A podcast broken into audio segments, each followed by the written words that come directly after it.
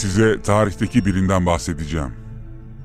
Günümüzde bile onun öğretileri, sözleri ve hayat hikayesi sayesinde birçok kişinin peşinden gittiği, neredeyse herkesin sevgilisi bir kişi bu. Onun hikayesini eminim birçok kişi en ince ayrıntılarıyla biliyor ya da kim bilir belki ilk defa duyacağınız detaylar olacak. Ortaya koyduğu öğreti bugün hala birçok kişi tarafından övülüyor, takip ediliyor. Bazıları ise neredeyse düşman. Hatta onu savunanları bir kaşık suda boğacak kişiler tanıdım. İlginç bir kişilik. Ve hatta bu tanımlama bence yeterli değil. Kendisi tarihe damgasını vuran en önemli kişiliklerden bir tanesi. Özellikle belli bir dönem Arap dünyasında ve hala tüm dünyada milyonları peşinden sürükleyen bir doktrinin önderi.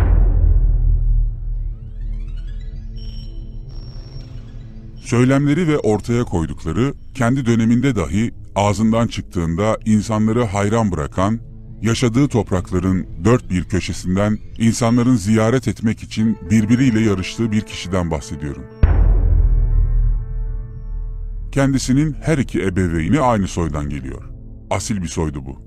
Ancak hem annesini hem de babasını küçük yaşta kaybettiği ve sahipsiz kaldığı için yine başka bir soylunun hatta bölge yöneticisinin himayesine verilir. Bu kişinin kendisine ilk bakışını ve anasız babasız kalmış birini sahiplenmesinden o kadar etkilenir ki buna duyduğu minnettarlıktan dolayı o da ilerleyen yıllarda onun oğlunu evlatlık olarak ilan edecek, hatta kendi kızıyla evlenmesi için büyük bir uğraş sarf edecektir. Ki tarihte anlatılanlara göre bu evlilik gerçekleşmiş. Zengin ve aristokrat bir aileden geldiği için köleleri ve cariyeleri vardır ancak bulunduğu toplumun aksine onlara kötü davranışı desteklemez. Buna karşın hak edenin serbest bırakılması gerektiğini iddia eder. Belli bir yaşa geldiğinde bölgedeki adetler gereği bir kahine götürülür.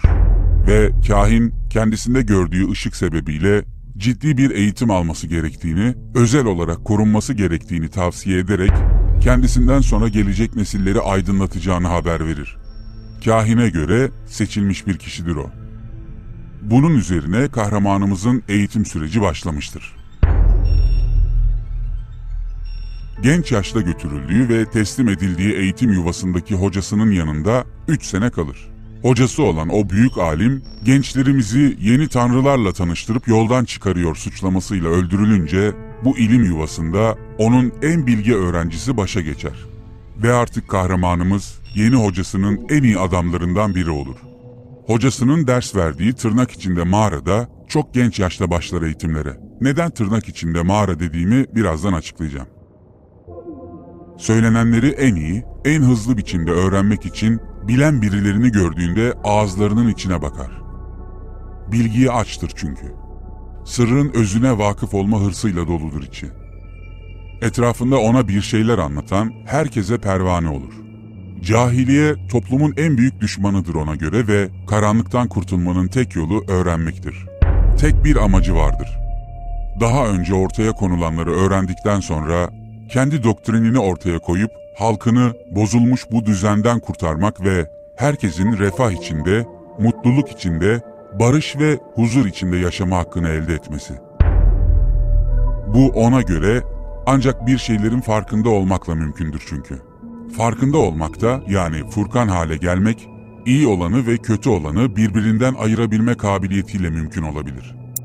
Ve bu da ancak ve ancak cehaletin sona ermesiyle peydah olacaktır. Yeni hocasının ona ilk emri ikra olur. Bu ikrayı kitap okumak gibi algılamayın yalnız. Hala aynı hatayı yapanlar var. Bugün bile birçok kilisede en iyi okuyanlar yani hitabet sanatına en çok vakıf olanlar kürsüye okuyucu olarak çıkarlar ve ellerindeki metni onlar okur, cemaat ise dinler. Yani okuyucular ve dinleyiciler ayrılmıştır. Hocasına göre o da bu cemaatteki en iyi okuyanlardan biriydi. Günümüzde hala yanlış bir çeviriyle okuma öğrenmeye ithafen ona verilen ikra emri sanki aynıymış gibi kitap oku, öğren olarak çevriliyor. Oysa dediğim gibi bugün bile bazı Hristiyan kiliselerinde kitaptaki pasajları, alıntıları okumaktan bir okuyucu sorumludur. Örneğin Hristiyanlığın ilk dönemlerinde okur yazarlığın nadir olması sebebiyle ilim yuvalarındaki okuyucu özel bir statüye sahipti ve daha sonraki yıllarda da bu gelenek korundu. Hatta çoğu doktrinde hala okuma sünnettir bilirsiniz ama dinlemek farzdır. Bu yüzden hemen hemen bütün tapınaklarda, medreselerde okumayı en iyi becerenlere bu ünvan verilir. Diğerleri okunanı dinler ve kalplerine yazarlar. Bu sebeple en iyi okuyanlar bu ilim yuvalarında gerçekten değerlidir. Tüm bu bilgiler ışığında hocasının ona verdiği ikra emrini oku öğren anlamında değil, bir topluluk önünde oku. İngilizcesi recite. Başka bir deyişle vaaz et olarak algılayabiliriz. Hatta bu emri birçok kişi geri bile çevirmiştir ben okuma bilmem diye. Çünkü vaaz etmek, bir topluluk önünde okumak başka bir meziyettir ve herkesin yapabileceği bir şey değildir. Birçok kişi için özel bir eğitim gerektirebilir. Tabi bu eğitim sürecinde ilim irfan dersleri alan ve özel olarak eğitilen kişiler arasında büyük çekişmeler de yaşanmaktaydı. Aslında aralarındaki bu yarış ilim yuvasının başına kim geçecek hırsından kaynaklanıyordu. Ki kahramanımız bazı konularda buradaki herkesin ilahlaştırdığı hocasının düşüncelerine bile karşı çıkar bazen. Biraz da bu yüzden kafalarında kurdukları putları yıkmak istemeyen diğerleriyle fikirleri konusunda karşı karşıya gelir. Hatta bunun için hicret etmek zorunda bile kalır. O çok sevdiği, değer verdiği halk artık kendisine farklı bir gözle, yaptığı bazı eylemler sebebiyle dinsiz gözüyle bakmaktadır.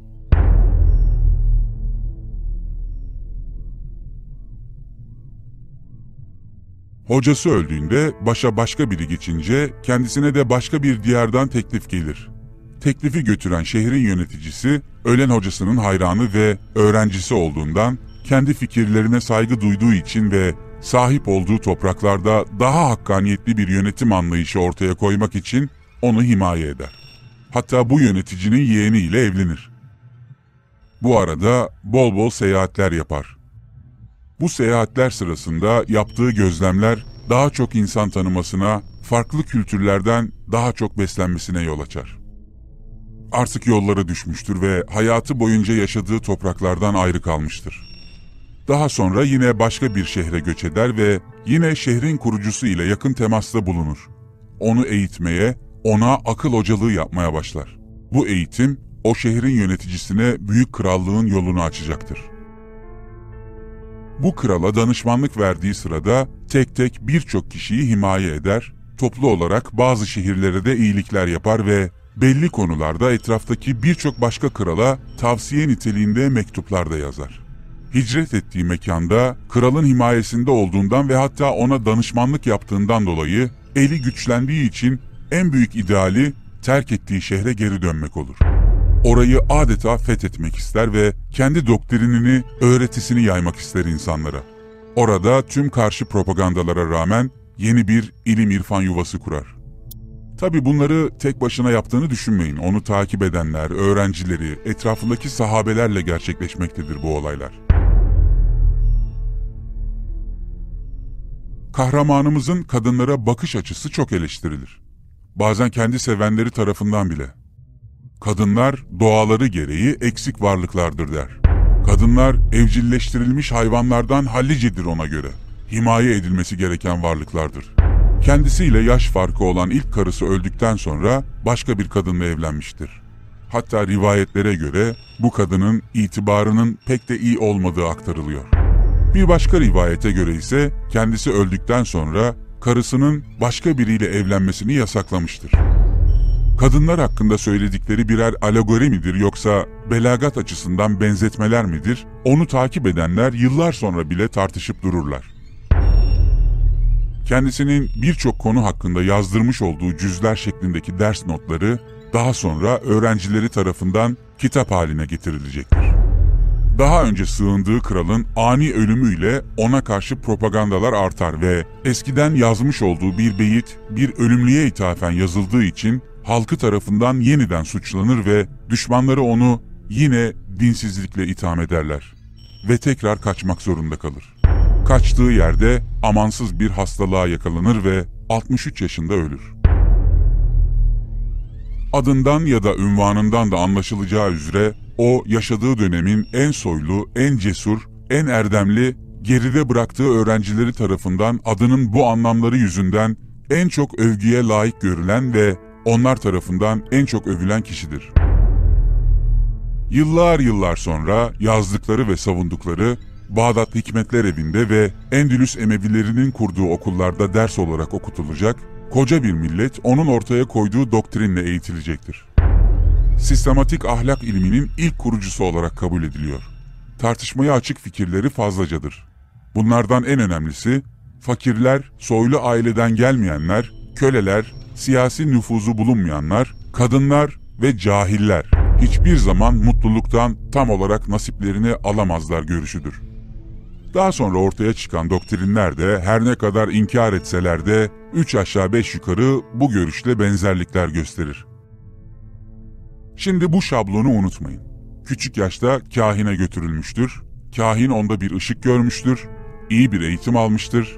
Hocasının ona verdiği ilk emir ikradır. Hicret etmiştir. Kendi doktrinini ortaya koymuştur. Mini cüzler halinde kitapçıklar bırakmış ve bunlar daha sonra bir araya getirilmiştir yaşadığı toplum tarafından dinsizlikle suçlanmıştır ama onu takip edenler tarafından övgüye en layık kişidir. Kızını evlat edindiği kişiyle evlendirmiştir. Kızının adı Faitias'tır. Babası Makedon kralı Amintas'ın yakın dostu ve hekimidir. Ve 63 yaşında ölmüştür. Kendisi antik çağın en hayran duyulan kişilerinden birisidir ve adı Aristoteles'tir.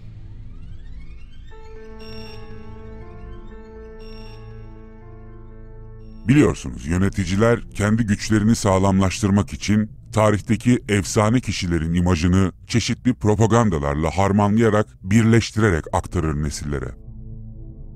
Yıllarca Perslerle devam eden büyük kanlı savaşlarda hükümdarlık yapmış olan Makedonyalı Büyük İskender gibi bir imparatorun hikayelerini, zalimliklerini, gazabını, fetih maceralarını nesilden nesile aktaran bir toplum, onun akıl hocası Aristo'dan kendisinden ve en büyük generallerinden biri olan Abdalonimos'tan ne kadar etkilenmiş olabilirler? Bu benim hep kendime sorduğum bir sorudur. İskender'in doğumunda gerçekleşen olağanüstü olaylar ve babasının Zeus olduğu hakkında çeşitli hikayeler birçok tarihçi tarafından anlatılmıştır. Mısır'ın rahipleri onu Zeus Amon'un tanrı oğlu olarak ilan etmişlerdi. Ha bu arada Aristo'nun kızı Faytia ya da Faitias'ın isminin anlamını da bir ara araştırırsınız.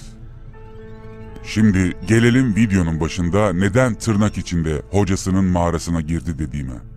Aristo'nun hocası biliyorsunuz Platon'dur ve felsefe ile ilgilenenler Platon'un mağara alegorisini bilirler.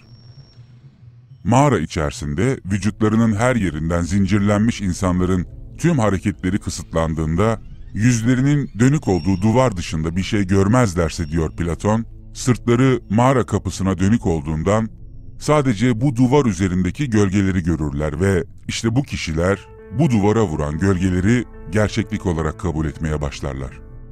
Yıllardır bu mağarada bu şekilde yaşayan ve zincirlerinden kurtulan birini düşünün. Platon'a göre dışarı çıkarsa ışıkla ilk muhatap olduğunda önce gözleri kamaşacaktır. Ben mağara alegorisinin tamamına girmeyeceğim burada, sıkılmanızı istemem. Sadece tavsiyem şu. Bu mağara bazıları tarafından gizlenmek istendiği için kapısının önü çalı çırpıyla gelişi güzel doldurulmuş. Her şeyden önce o çalı çırpının temizlenmesi gerekiyor. Çünkü mağaradaki zincirlenmiş kişilerin gördüğü gölgeler bile gerçeğin gölgesi olmayabilir. Gelişi güzel yerleştirilmiş bu çalı çırpı yüzünden Gerçeğin gölgesi belki de deforme olmuştur. Kim bilir?